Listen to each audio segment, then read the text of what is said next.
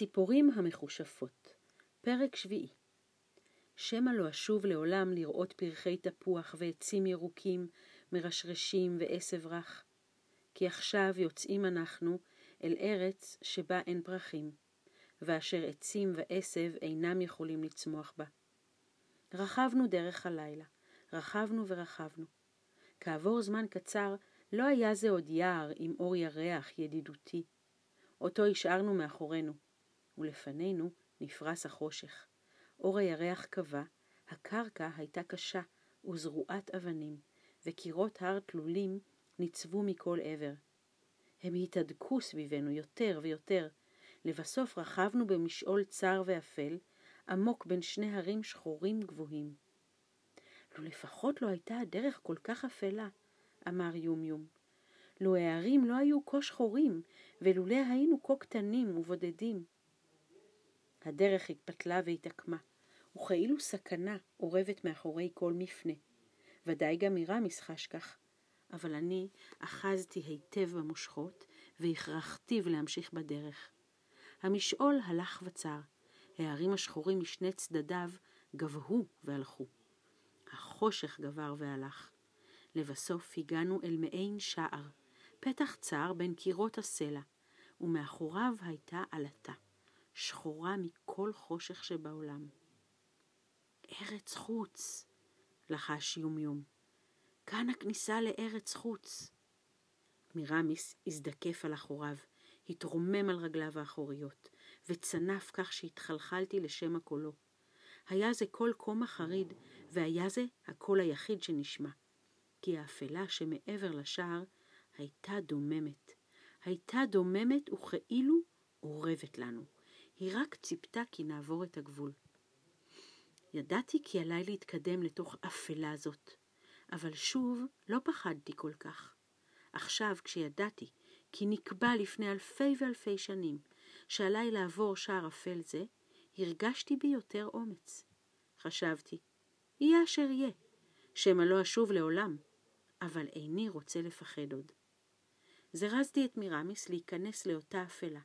כאשר הרגיש כי איני מתכוון להניח לו לחזור, פרץ קדימה מבעד לפתח הצר ולדרכים האפלות שמעבר לו.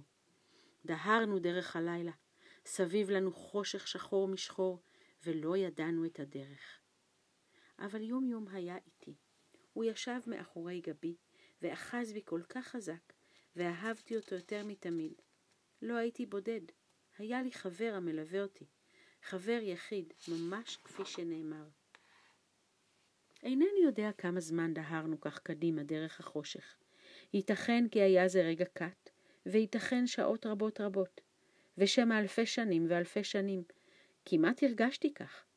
היה זה כאילו רוכבים בחלום, מאותם חלומות בלהה שמתעוררים מהם בצעקה, ושוכבים ומפחדים עוד הרבה זמן אחר כך. אבל הפעם לא היה זה חלום שמתעוררים ממנו.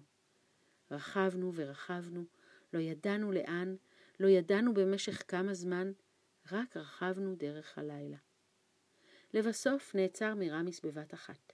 הגענו לאגם, ואין לך אגם שיהיה מבהיל כאגם זה.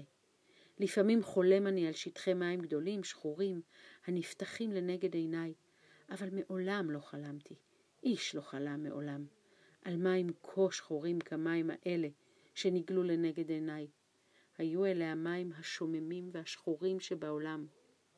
סביב לאגם לא היו אלא צוקים קרחים גבוהים שחורים.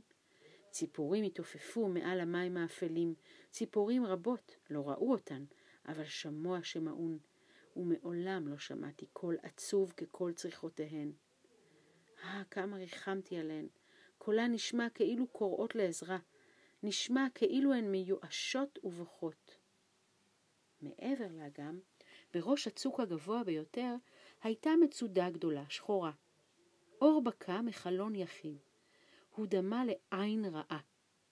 חלון זה, עין אדומה, מפחידה ואיומה הננעצת בלילה, ורוצה את רעתנו. מצודת קאטו האביר, לחש יומיום, ומרמיס רעד. מצודת קאטו האביר, שם נמצא הוא, מעבר למים השחורים הללו, גר אויבי, אשר באתי להילחם בו. אותה עין רעה הננעצת מעבר למים הפחידה אותי, אם כי לא רציתי לפחד עוד. הפחידה אותי. כיצד יוכל אחד קטן שכמוני לנצח מישהו כה רשע ומסוכן כקאטו האביר? אתה זקוק לחרב, אמר יומיום. ובדיוק שעה שאמר זאת, שמענו מישהו מייבב בקרבתנו.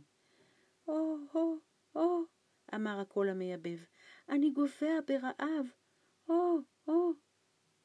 הבנתי שמא מסוכן להתקרב אל זה המייבב, שמא מתכוון הוא לטמון לנו פח, אבל הרהרתי, יהיה אשר יהיה עליי לבקש ולראות. שמא זקוק הוא באמת לעזרה. עלינו לראות מיהו, אמרתי ליומיום. עלינו לעזור לו. אני איתך, אמר יומיום, ואתה מרמיס המתן פה, וליטפתי את אפו. הוא צנף בפחד. אל תדאג, אמרתי, נשוב במהרה. זה שאיבב היה סמוך לנו, ובכל זאת קשה היה למוצאו בחושך. אוי, אוי, חזרנו ושמענו את הקול. אני גובע ברעב, אוי, אוי. גיששנו בחושך לכיוון שממנו בקע הקול. מעדנו על אבנים ונפלנו באפלה, אבל לבסוף הגענו לצריף ישן. ממש חורבה עתיקה. לולא נשען אל קיר סלע, היה מתמוטט מזמן. אור חלש בקע מן החלון. התגנבנו והצצנו פנימה.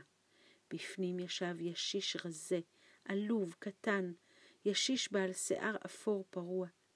אש בערה בקירה, והוא ישב לפני האש, התנודד אנה ואנה ואמר, אוי, אוי, אני גובע ברעב, אוי, אוי, אוי. אז נכנסנו. הזקן הקטן נעלם דום ונעץ בנו עיניים. עמדנו שם מעבר לדלת, והוא הביט בנו כאילו לא ראה דבר הדומה לנו. הוא הרים את שתי ידיו הרזות, והושיטן לפניו, ממש כאילו פחד מפנינו. אל תיגעו בי לרעה, לחש. אל תיגעו בי לרעה. שמענו שאתה רעב, אמרתי. באנו לתת לך לחם. הוצאתי את הלחם שקיבלתי מידי ההורגת, והושטתי לו. הוא נעץ בי עיניים כקודם. קרבתי את הלחם אליו, אבל הוא נראה מבוהל, כה מבוהל, כאילו חשש שאני טומן לו פח. קח את הלחם, אמרתי, אל תפחד. אז הושיט בזהירות את ידו ולקח אותו. הוא אחז בו בשתי ידיו, ומישש אותו, אחר כך הגיש אותו לאפו והריח, ואחר כך התחיל לבכות. הרי זה לחם, לחש, זה לחם, המשביע רעב. ואז אכל. מעולם לא ראיתי מישהו אוכל כך.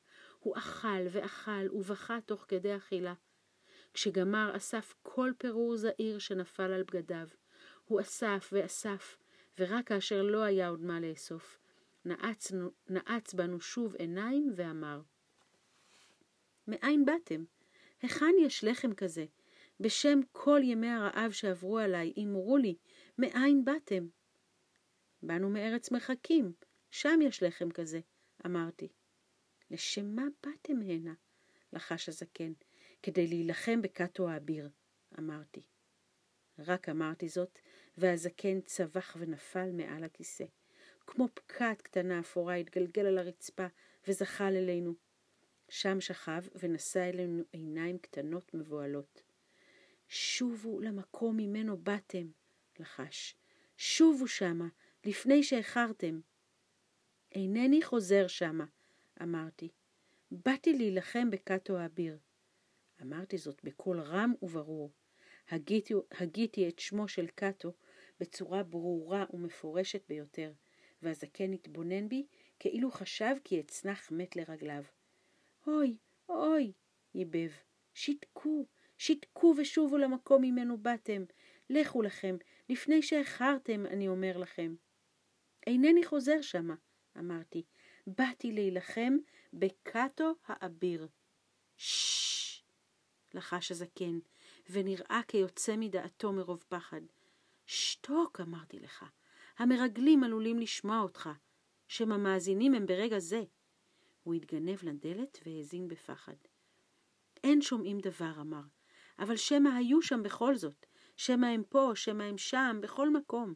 מרגלים בכל, בכל מקום. מרגליו של קאטו האביר? שאלתי. שתוק, ילד, לחש הזקן. האם רוצה אתה להשליך חייך מנגד? האינך יודע לשתוק? הוא ישב על כיסא ונענה בראשו. כן, כן, אמר בקול שקט, שכמעט לא נשמע. מרגליו בכל מקום. בבוקר, בערב ובלילה, תמיד ובכל מקום. הוא הושיט את ידו ואחז בזרועי. בשם כל ימי הרעב שעברו עליי, לחש, אל תבטח באיש. נכנס אתה לבית, וסבור כי בן ידידים אתה, אבל אתה בן אויבים. הם בוגדים בך, הם מוסרים אותך לזה שגר מעבר לאגם. אל תבטח באיש, אני אומר לך, אל תבטחו בי.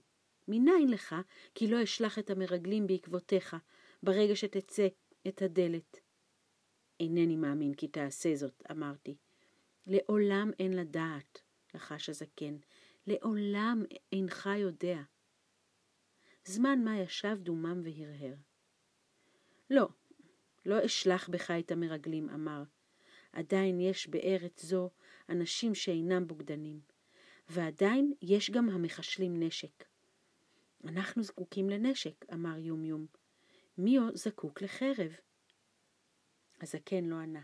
הוא ניגש לחלון ופתח אותו. מבחוץ נשמעה צביחתן העצובה של הציפורים מעל האגם, כאילו בוכות הן בחוץ בלילה האפל. שמע, אמר אלי הזקן, הקשב לקינתן. הגם אתה רוצה להיות לציפור כזאת, העפה מעל האגם ומקוננת? איזה מין ציפורים אלה? שאלתי.